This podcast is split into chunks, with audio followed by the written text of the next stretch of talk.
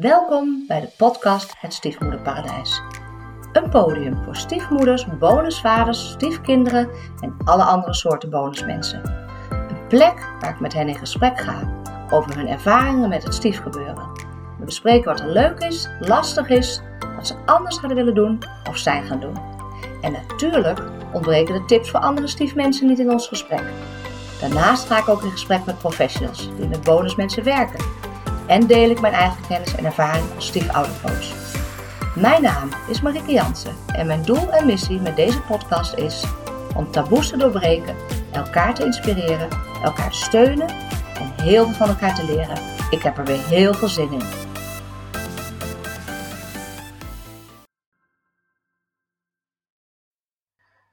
Wat leuk dat je luistert naar de allereerste aflevering van de podcastserie uh, Het Stiefmoederparadijs.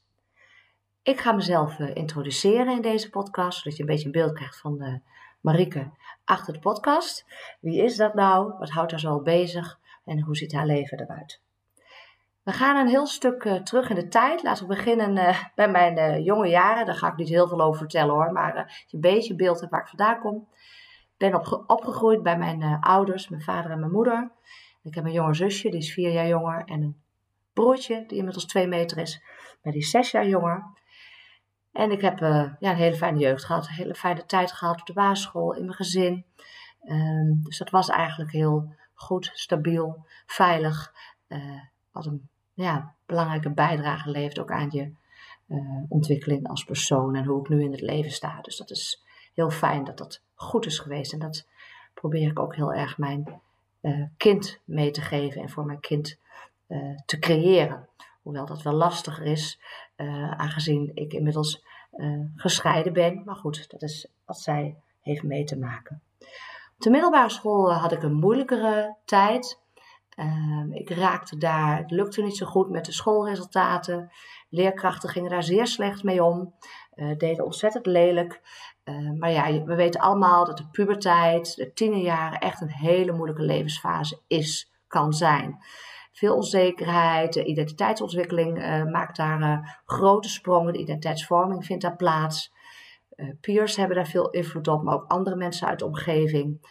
Daar um, ja, uh, ben je erg afhankelijk ook van wat anderen vinden en denken. En is je mentale toestand kan wankel zijn, ook door hormonen, dat soort zaken.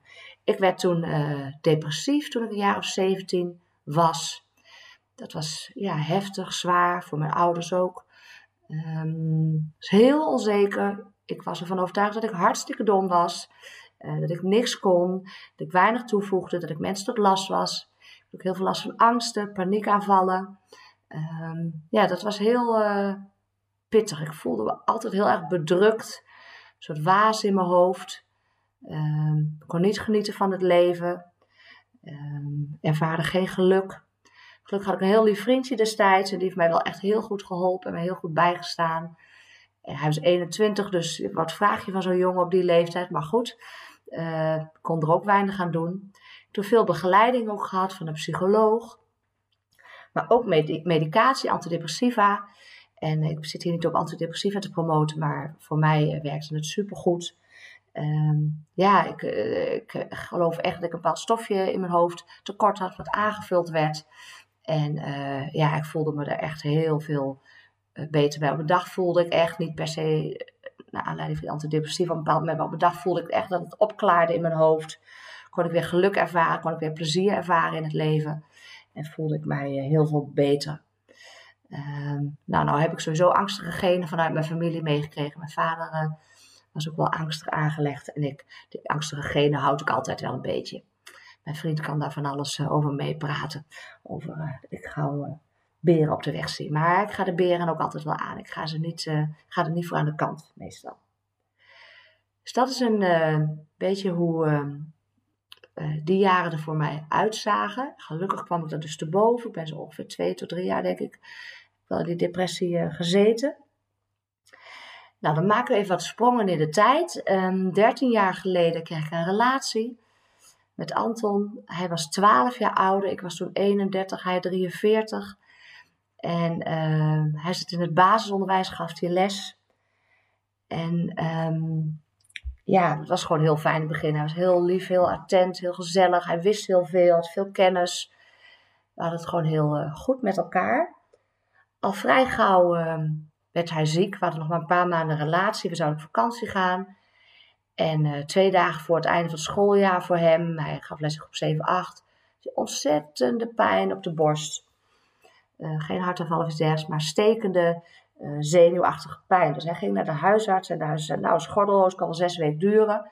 Ja, wij zouden op vakantie, toen hadden zoiets van, ja, nou, medicijnen mee, we gaan maar op vakantie. Dus wij met de auto en hadden een retro caravannetje. Nooit gedacht dat ik met een caravan op vakantie zou gaan, maar ik deed het toch. Nou, retro is dan nog te doen.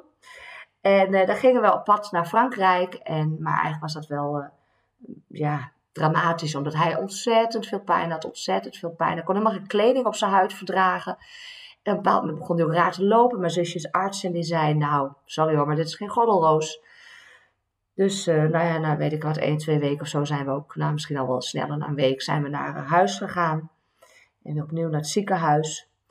En ehm, ja, toen uh, zijn alle onderzoeken geweest, de Lyme en uh, weet ik wat ze allemaal onderzocht hebben.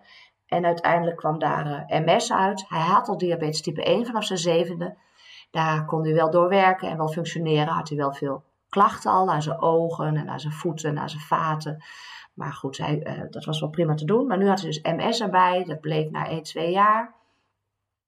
De eerste drie jaar kon er nog, hadden we ook nog hoop dat er verbetering op zou treden in zijn fysieke functioneren en in zijn uh, pijnklachten. Maar na drie jaar was die hoop wel vervlogen. Uh, hij zou ook toen na de zomer beginnen aan een nieuwe baan. Nou ja, die nieuwe baan is nooit begonnen. Hij belandde meteen in een ziektewet. En na twee jaar ziektewet werd dat een uh, arbeidsongeschiktheidsuitkering. Ja, hij heeft toen wel ook nog vrijwilligerswerk gedaan op basisscholen. Op een bepaald moment hebben we ook een huis gekocht, zijn we gaan samenwonen. En maar goed, ik was wel vrij gauw al uh, mantelzorger. Hij had veel pijn, het kostte ook heel veel energie. Hij liep al iets moeilijker, maar hij kon nog wel uh, lopen. Um, ja, op een bepaald moment hebben we het ook over kinderen gehad. Hij hoefde niet per se kinderen. Hij had eigenlijk, vooral in het begin had het erover toen hij nog werkte. Hij had al heel veel plezier beleefd. Ja, de kinderen in zijn klas maar goed, ik wilde wel heel graag kinderen. En hij, ja, hij vindt kinderen hartstikke leuk. Dus hij had zoiets van, als jij graag kinderen wil, nou, dan ga ik natuurlijk in mee. Ik vind kinderen hartstikke leuk. Maar goed, door altijd zijn ziekte uh, kon dat niet via de natuurlijke weg. Een zaadlozing was niet mogelijk. En toen belanden we dus meteen in een uh, ICSI-traject. Dat is, lijkt op IVF, maar gaat dan nog een stapje verder. Dus we belanden, uh, we zijn naar Duitsland gegaan, want daar uh, gaat het vele malen sneller. En daar zijn ze ook verder met uh, de operatie die hij moest ondergaan om zijn zaad buiten het lichaam te krijgen. Dus we zijn er ICSI-traject ingegaan. Dus dat betekende voor mij eicelstimulatie, eicellen, hoe zeg je dat? Mijn eicellen moesten ja, ik wil zeggen oogsten, maar dat is toch raar. Maar goed, de eicellen moesten eruit. uh, die werden uh, bevrucht met een zaadje van hem. Ze zochten ook naar het beste zaadje. Dus dat maakt x verschillend van IVF. Bij IVF mogen de zaadjes nog zelf naar het eitje zwemmen op het uh, schaaltje.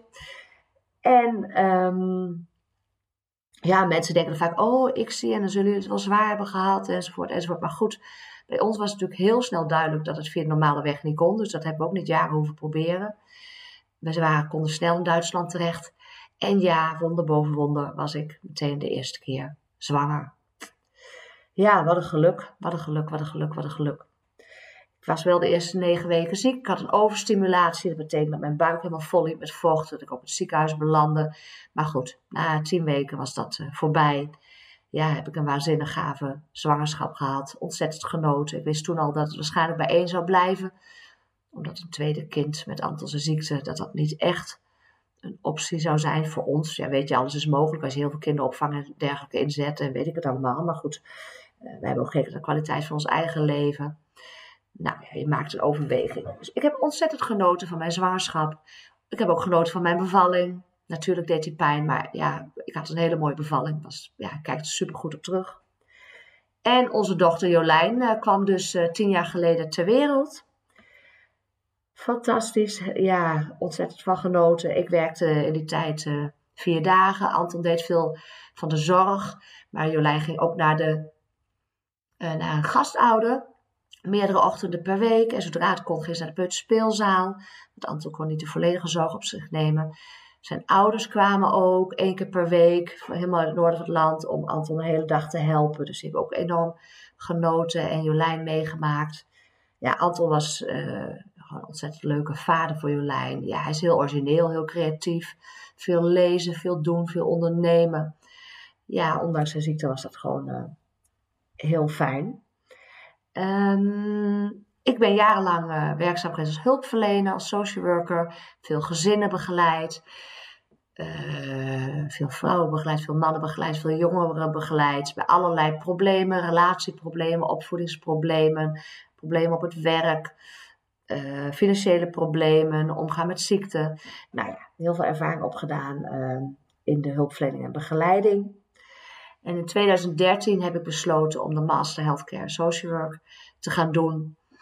En, want ik wilde graag lesgeven op het HBO, dat wilde ik al heel lang. Ik wilde graag hulpverleners opleiden. Maar daarvoor moest je een master hebben, dus die master heb ik gedaan. Een hele toffe master op Saxion Enschede, daar werk ik nu zelf ook nog voor. Uh, master Healthcare Social Work leidt op tot um, professional die de praktijk van welzijn en zorg kan verbeteren, innoveren. Je leert onderzoek doen. Je kan beleidsmedewerker worden, kwaliteitszorgmedewerker. Nou, superleuke opleiding. Daarna kon ik direct aan de slag op Saxion. Super gaaf. Uh, studenten, HBO-studenten begeleiden, lesgeven. In allerlei methodes. Maar ook hulpverlening rondom huiselijk geweld, seksualiteit, intimiteit. Maar ook allerlei gespreksvaardigheden, oplossingsgericht werken, systeemgericht werken. Hartstikke leuk. Dat doe ik inmiddels al negen jaar toen um, op een bepaald moment hebben Anton en ik besloten om um, te verhuizen. Dichter bij mijn familie, zodat ik meer ondersteuning had, meer begeleiding had voor bij Jolijn, uh, voor de zorg voor Anton. Ik hoopte ook dat we meer um, ja, reuring zouden hebben. We zouden naar een grotere plaats gaan. Het reuring, is dat een, Nederlands woord of uh, is dat uh, uit het oosten van het land? Nou, er is hier meer te doen, meer theater, bioscoop, terrasjes. Dus ik hoop dat Anton en ik ook meer hier samen konden ondernemen. Want Anton kan altijd maar heel kort iets ondernemen. Dus we gingen in het centrum wonen. Dus wij verhuisden in uh, 2019. En we hadden een heel mooi oud huis gevonden en daar waren we heel blij mee. En toen woonden wij hier één dag en toen ehm, mijn vader kwam hier nog kijken. Die kwam op mijn verjaardag. En die wilde al niet boven kijken, want hij liep niet helemaal goed.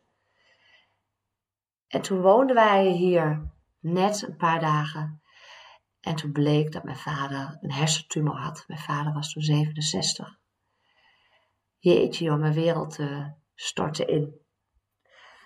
Hij had een hele bijzondere band met mijn vader, een hele intense band. Mijn vader was mijn steun en toeverlaat. Mijn vriendjes zeiden wel eens, als ik met hen een discussie had en ik nam iets niet van hen aan, dan zeiden ze, nou dan ga je toch naar je vader, want dan geloof je het wel. Oeps, sorry vriendjes. Um, ja, ik ging voor alles naar mijn vader, ik was supergoed met mijn vader.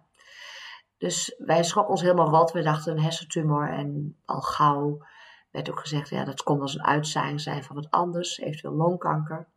Mijn vader had al heel lang uh, COPD, rookte, wilde geen hulp van de longarts, behalve een klein beetje medicijnen, maar wilde nooit geen onderzoeken. Dus wij hielden al jaren ons hart vast. Ja, en al vrij gauw bleek dat hij uitgezaaide longkanker had.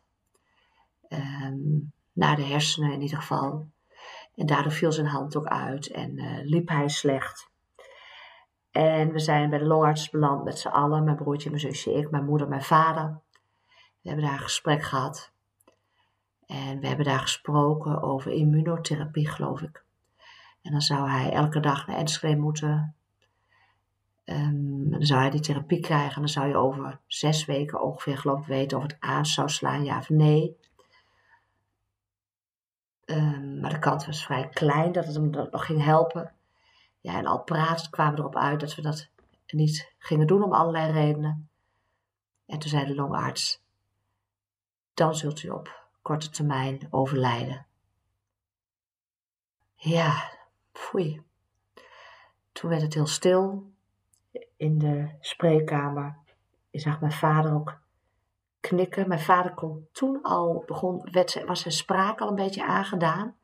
Zolang als checkt ook af en toe, begrijpt u het wel, wat ik zeg. En um, we vroegen nog, zoals iedereen het doet. En je weet welk antwoord je krijgt, want mijn zus is natuurlijk ook arts. Wat is korte termijn? Nou ja, weken, misschien een paar maanden. Dus wij uh, vertrokken uit het ziekenhuis, naar huis gegaan. Hebben nog wel getracht ook gesprekken natuurlijk te voeren met mijn vader. Of wil, wil je het over euthanasie hebben? Wil je. Nou ja, maar daar wilde hij het allemaal niet eens over hebben. Um, dus we hebben um, in die vijf weken, uiteindelijk was het, vijf en een half week later was hij dood. Vijf weken zijn we heel veel bij hem geweest. Ik woonde dichtbij opeens, dus dat was mooi. Um, ja, veel bij hem geweest, veel geholpen. Uh, veel samen geweest, nog wat een keer op het terrasje gezeten. Maar zijn spraak ging heel hard achteruit. Dat vond ik echt moeilijk. Ik kon echt nog wel ik kon voorheen, als ik met hem in gesprek kreeg, dan kreeg ik wel dingen uit hem. En dan kon hij mij wel dingen vertellen en dan kwamen we in gesprek. Maar ja, hij kon nu niet meer praten. Het was echt uh, moeilijk, omdat ik dacht, het gaat er met zijn hoofd om. Hij was, uh, wat ik al zei, ik heb angstige genen, die heb ik van hem. Hij was ook heel bang voor ziekenhuizen, heel bang voor doodgaan. Ja, dat uh, grijpt me enorm aan. Ik denk, je weet gewoon dat je doodgaat, maar je kan er niet over praten. En dan was het sowieso niet een enorme prater. Maar nu kon hij ook niet praten. Wat ging allemaal in die kop om? Hoe bang was hij? Nou, wij staan er wel achter in de zin van dat we naar beste eer en geweten gehandeld hebben. En we hebben hem ook dingen kunnen vragen. Maar ja, dat zijn wel echt uh, moeilijke, pijnlijke dingen. Ik denk, jeetje joh, hoe, ja, hoe heb je het ervaren dat je wist dat je dood ging? Ja.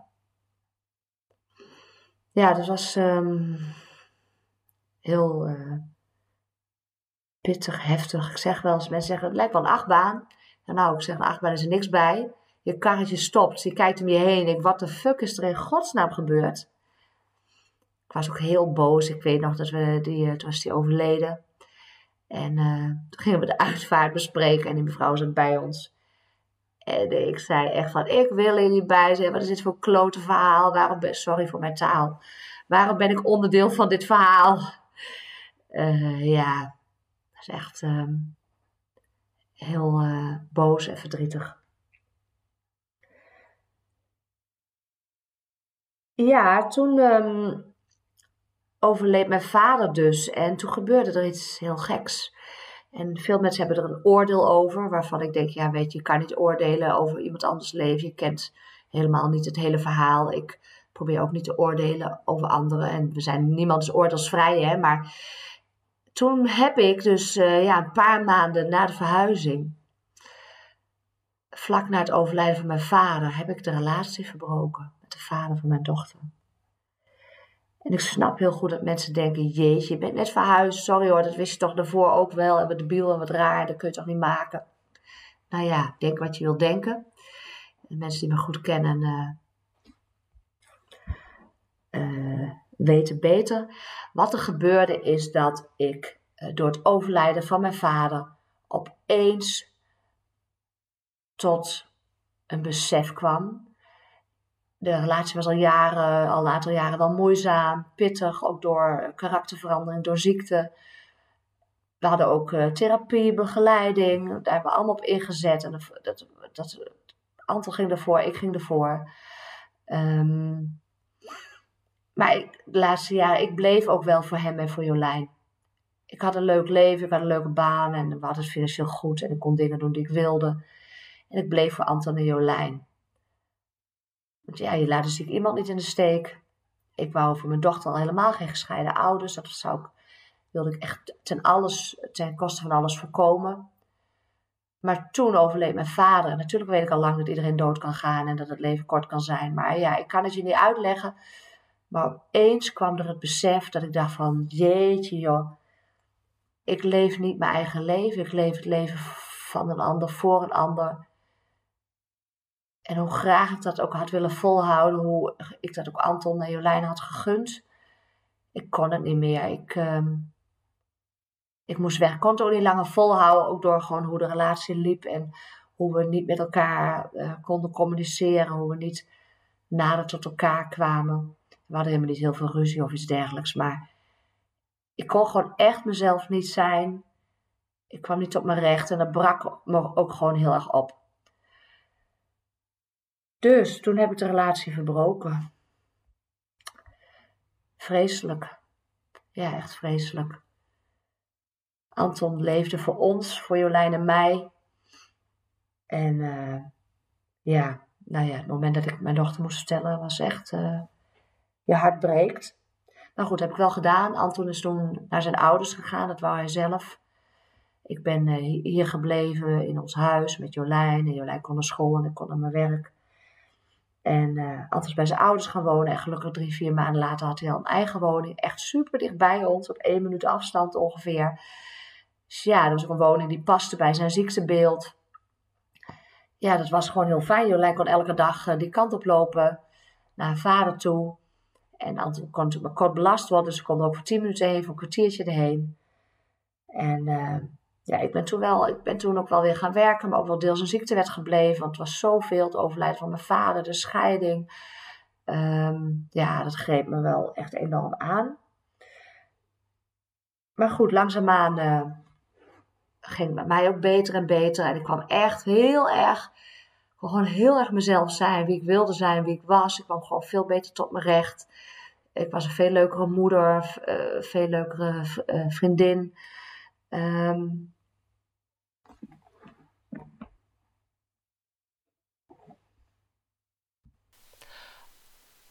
op een bepaald moment uh, brak corona uit. Dat was denk ik, uh, ja, dat was maart 2020, dan neem ik aan. Um, ja, en toen werd het leven een beetje saai en ik was eigenlijk nog helemaal niet toe aan een nieuwe relatie. En ik was eigenlijk ook niet van plan om nog ooit weer op datingsites uh, te gaan in het verleden ooit was gedaan. En ik vond zo gedoe, dan zit je in zo'n restaurant en dan komt er iemand binnen en dan denk je al binnen 10 minuten, oh hemel, mag ik weg? Heel onaardig gezegd. Um, dus ik dacht, oh, ik heb echt geen zin om dat weer te gaan doen. Maar ja, corona brak uit, was saai, zaten allemaal thuis. Toen dacht ik, hmm, zal ik dan toch nog weer eens op zo'n uh, datingsite gaan? Dus dat heb ik gedaan, op Parship. Daar vul je ook van de psychologische testen in. En... Uh, nou ja, dat is natuurlijk leuk. Ja, weet je, je, komt mannen tegen en je mailt wat over en weer. En je kletst wat en je kijkt wat rond. En um, ja, al heel gauw, binnen een week, kwam ik in contact met Gert. En ik dacht wel van jeetje, hallo, hij wordt anderhalf uur verderop, is dat nou slim? Maar wel in Zwolle. En ik roep al jaren, ik zou wel in Zwolle willen wonen. Want ik vind Zwolle ontzettend leuk. Ik heb er gestudeerd en ik vind het echt super sfeervolle stad. Dus ja, als je het heel hard roept, dan komt het blijkbaar vanzelf op je pad.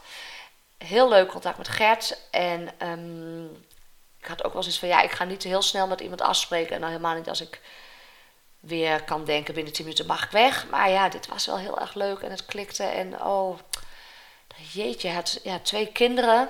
Ja, dat wist ik natuurlijk al lang. Hè. Als ik een nieuwe relatie ging ontmoeten, kans groot dat hij kinderen heeft. Ik moest er niet aan denken. Maar ja, wat wil je op mijn leeftijd? Ik was toen, hoe, hoe jong was ik toen?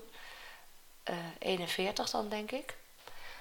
En um, zo kan je wel niet willen, maar de kans is vrij groot dat je nieuwe partner kinderen heeft. Ja, ik vond het gewoon leuk. Hij had ook dezelfde uh, interesses als ik. Lezen. We hadden heel, heel veel boeken die we hetzelfde leuk vonden. Ik hou ook heel erg van lezen. Scandinavië liepen we allebei heel erg warm voor. Hij reed de Volvo. Nou, dan ben ik niet enorm autogek, maar nou, Volvo kan ik best warm voor lopen. Hartstikke leuk. Um, lekker materialistisch. Um, ja, Scandinavië hielden we allebei van koken, uit eten gaan. Ja, nou ja, ook maar ook gewoon thuis en een beetje chillen. Ja, het klonk gewoon heel erg leuk. Ik, uh, ja, foto's vond ik leuk. Zijn humor vond ik vooral heel erg leuk. We hadden heel erg dezelfde humor. Nou zeg dus dat mijn humor leuk is. Maar ik hou van zijn humor. We hebben dikke lol samen. Dus wij hebben het afgesproken, maar dan moest het de coronaproef. Dus het werd een stadswandeling in Zutphen. Oh, en natuurlijk weer bloednerveus. Daar heen? Niks aan eigenlijk. Hè? Maar goed, bij stadswandeling. Leuk aan de IJssel gezeten. Op een bankje gekletst. Hij was bijna jarig. Heel leuk, dacht ik. Een man van onder de 40. Sla een jongere kerel aan de haak. Maar uh, die dag werd hij al 40. En ik was uh, Nee, dan was ik 42. Nou, uh, ja, leuke middag gehad, leuk gekletst, uh, leuke klik. Ik vond hem wel wat stil. dat weet hij inmiddels ook. Op papier uh, komt hij extra verder over dan dat je hem in het begin ontmoet. Maar, um, nou ja, wij naar huis en al vrij gauw laten weten, ja, ik wil je nog wel een keer ontmoeten. Toen um, kwam hij de zondag erop bij mij thuis. Ik ben er altijd wel heel voorzichtig mee. Maar goed, misschien denk je, nou, tweede keer thuis best snel. Maar goed, ik had hem ontmoet. Ik wist waar hij woonde. Oh, hij had zijn huis te koop staan. had ik ook al even opgezocht op Funda. Ik denk, nou, ik uh, geef je adres wel even door aan mijn familie. Als me wat overkomt, weten ze waar je huis staat. dus die zondag kwam hij bij mij. Nou, ook nog keurig anderhalf meter afstand gehouden. Hartstikke leuk uh, gesprek, et cetera. Ja, gewoon een heel leuke avond gehad. Wel lastig, want Jolijn lag volgens mij boven in bed. Dus oh, die mocht echt niet ontdekken dat er een man beneden zat. Maar gelukkig slaapt ze redelijk vast. En die week erop um, zou ik naar hem toe gaan. En toen had ik al wel wat hints gegeven. Ik dacht van ja, weet je, het is allemaal leuk en aardig. Maar die anderhalve meter afstand. Maar ik, ja, ik hoef niet meteen met je in bed te belanden. Maar ja, ik weet niet. Ik, zo helemaal niet aanraken en zo ver bij elkaar uit de buurt. Dat vond ik ook een beetje raar. Dus ik had wel wat stille hints gegeven. Ik naar Zwolle. En uh, ik daar uh, naar hem toe. Hartstikke leuke avond. En um, toen is er ook uh, gekust. En ik voelde me een beetje een sloerie. Toen dacht ik meteen, hoezo? Doe normaal. Waarom ben je als vrouw meteen de sloerie? Is een derde date te snel om te zoenen? Nou ja, het was hartstikke leuk. En uh, het zoenen beviel ook hartstikke goed. En sinds uh, die tijd uh, ongeveer hebben wij een relatie. Ik noem mijzelf uh, latstiefmoeder in wording. En um, ja, nou, ik vond het meteen hartstikke interessant. Ik ben er ook heel veel over gaan lezen. En toen las ik ook dat, nou ja, er wordt natuurlijk steeds meer gescheiden. 30 tot 40 procent gaat uit elkaar. Maar van de samengestelde gezinnen redt maar 40 tot 60 procent het. Daar schrok ik van. Ook omdat ik weet hoe het voor kinderen is, hoe een scheiding voor kinderen kan zijn. 1 op de 5 scheidingen is een hoog conflictscheiding, wat je voorheen een vechtscheiding noemde. En het greep me zo aan en toen dacht ik, ik wil een eigen praktijk beginnen als supervisor. Die opleiding was ik toen aan het doen, ook de opleiding als coach was ik aan het doen. Hoewel ik natuurlijk al heel veel coachervaring heb. Um, en toen heb ik de opleiding gedaan tot stiefplancoach, stiefoudercoach. En ben ik dus mijn praktijk gestart als stiefoudercoach, stiefplancoach, uh, ook als vrouwencoach. Uh, ja, en daar ligt mijn passie helemaal. Ik ben blogs gaan schrijven over het stiefouderschap. Uh, die worden ook heel veel gelezen. Dat vind ik echt super leuk. Eigenlijk ook hele gave reacties op. Um, en mijn missie, ja, mijn missie als stiefoudercoach is dat meer kinderen op kunnen groeien in rust, in harmonie, in veiligheid. Niet nog een scheiding, niet nog een tweede scheiding hoeven mee te maken, al zeker geen derde. Ik spreek veel studenten die zeggen bijvoorbeeld, jeetje, ja, weet je, ik heb al mijn uh, derde of vierde stiefmoeder of stiefvader. Uh, het aangaan van verbinding met anderen vind ik daardoor moeilijk. Ik hecht me niet meer zo snel. Dus het heeft echt heel veel impact, heel veel effect op kinderen. Dus ik begeleid ouders. Um, ik zou pubers kunnen begeleiden of jongvolwassenen. Maar ik begeleid vooral ouders, maar ook wel alleen uh, bonusmoeders of stiefmoeders alleen. Begeleid ik ook. Wat is nou mijn rol? Uh, hoe zet ik mijn rol neer? Wat vind ik belangrijk in mijn gezin? Nou, ik begeleid op allerlei thema's vanuit mijn praktijk. Ook op opvoeden is een lastig ding. Hè? Hoe doe je dat nou samen? Dus dat doe ik vanuit mijn praktijk. Begeleid ik uh, stiefouders. Zelf heb ik natuurlijk inmiddels ervaren als stiefmoeder. Uh, we zijn ook op vakantie geweest met elkaar. Dat was ook een hele leuke ervaring. Ja, wat kom ik zelf tegen? Ja, loyaliteit wel. Loyaliteit naar mijn kind. Mijn kind staat natuurlijk voorop. Ook loyaliteit naar Gert. Um, de opvoeding waarin we soms verschillend denken. Ik heb andere ideeën dan hij. We voeden niet samen op, maar ook weer wel een beetje samen. Maar we wonen niet samen. Tijdverdeling uh, tussen Jolijn, tussen Gert, tussen de kinderen je eigen kind is toch anders dan uh, de kind van de ander. Je kan meer hebben van je eigen kind dan van het kind van de ander. Dus dat is soms heel lastig. Ik wil het heel graag goed doen voor Sanne en Stijn, mijn lieve bonus uh, stiefkinderen. Ik wil heel graag dat zij zich fijn voelen in hun eigen huis. Dat ze zich fijn voelen bij ons. Dat ze zichzelf kunnen zijn. Ik wil het ook heel graag goed doen natuurlijk voor mijn eigen uh, kind. Dus ik leer heel veel uit mijn eigen situatie. Maar ik leer ook superveel van mijn klanten ja, heel gaaf. Laatst had ik ook nog weer een hele mooie, heel mooi gesprek met een uh, moeder. Ze heeft een relatie en haar partner is stiefvader van haar dochter. Ze hebben samen nog een kind. En zij had het heel erg ook over gezinswaarden. Wat vind je nou belangrijk? En van daaruit je leven inrichten en je gezin vormgeven. Bijvoorbeeld de, de gezinswaarden, rechtvaardigheid of gelijkheid, respect, geluk, zelfontplooiing, nou, et cetera. Je kan zo gek niet bedenken. Ja, wat vind je nou belangrijk in je gezin? Als stiefoudercoach uh, begeleid ik dus uh, stiefouders. Ik begeleid hen samen om vorm te geven aan hun samengestelde gezin. We maken soms een stiefplan, daarin maken we afspraken over opvoeden, over je de gezamenlijke relatie, over de omgang met de familie, over omgang met de ex-partners, ehm, afspraken in het gezin. Nou, op allerlei terreinen kun je daarover nadenken. Hè, van hoe willen wij dit nou in ons gezin? Communicatie is super belangrijk in het samengestelde gezin en juist dat is een ondergeschikt kind. Stiefouders gaan communicatie nog meer uit de weg dan uh, ouders in een kerngezin. Dat heeft ermee te maken dat de thema's gevoelig liggen.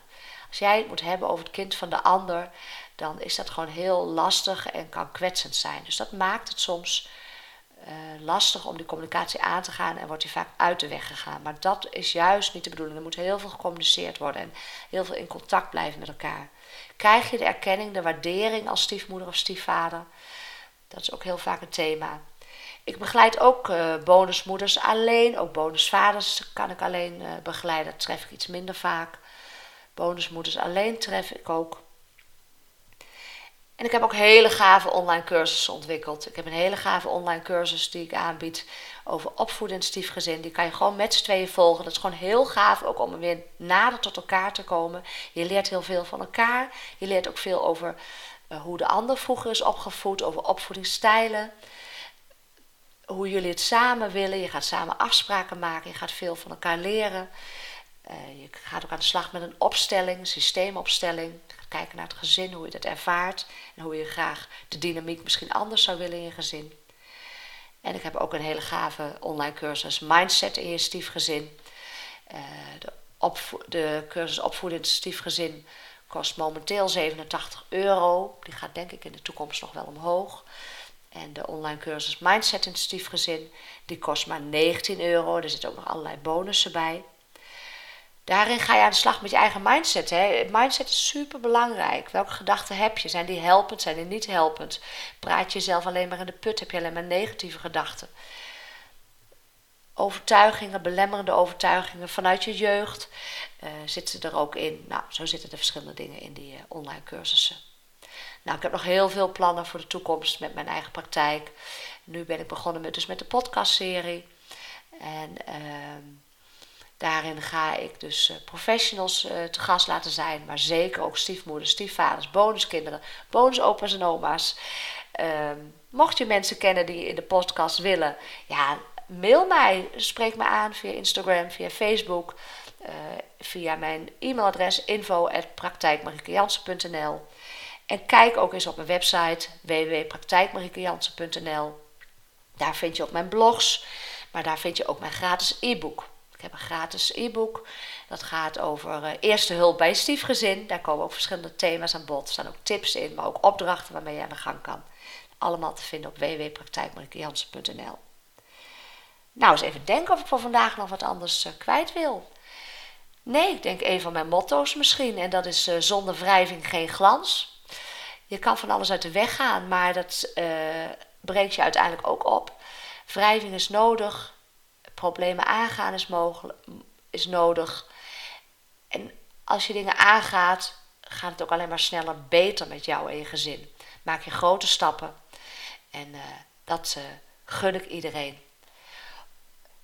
Heel erg bedankt voor het luisteren. Super leuk dat je erbij was. Ik hoop dat je nog heel lang naar mij blijft luisteren, naar mijn afleveringen. Ik heb er al een heel aantal opgenomen. Ik blijf nog heel veel afleveringen opnemen.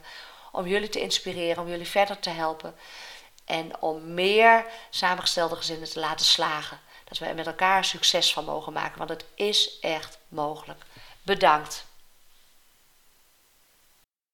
Heel leuk dat je weer luisterde naar een aflevering van de podcast Het Stiefmoederparadijs. Ik hoor heel graag terug wat je vond van deze aflevering. Dus stuur mij gerust een bericht via Instagram of Facebook. Of maak een screenshot van deze aflevering en tag mij op Instagram. Wist je dat je heel simpel een review kan achterlaten om te laten weten wat je van deze podcast vindt? Ga naar de podcast-app waarmee je deze podcast luistert en klik op reviews. Laat bijvoorbeeld 5 sterren achter en wil ook nog een geschreven review.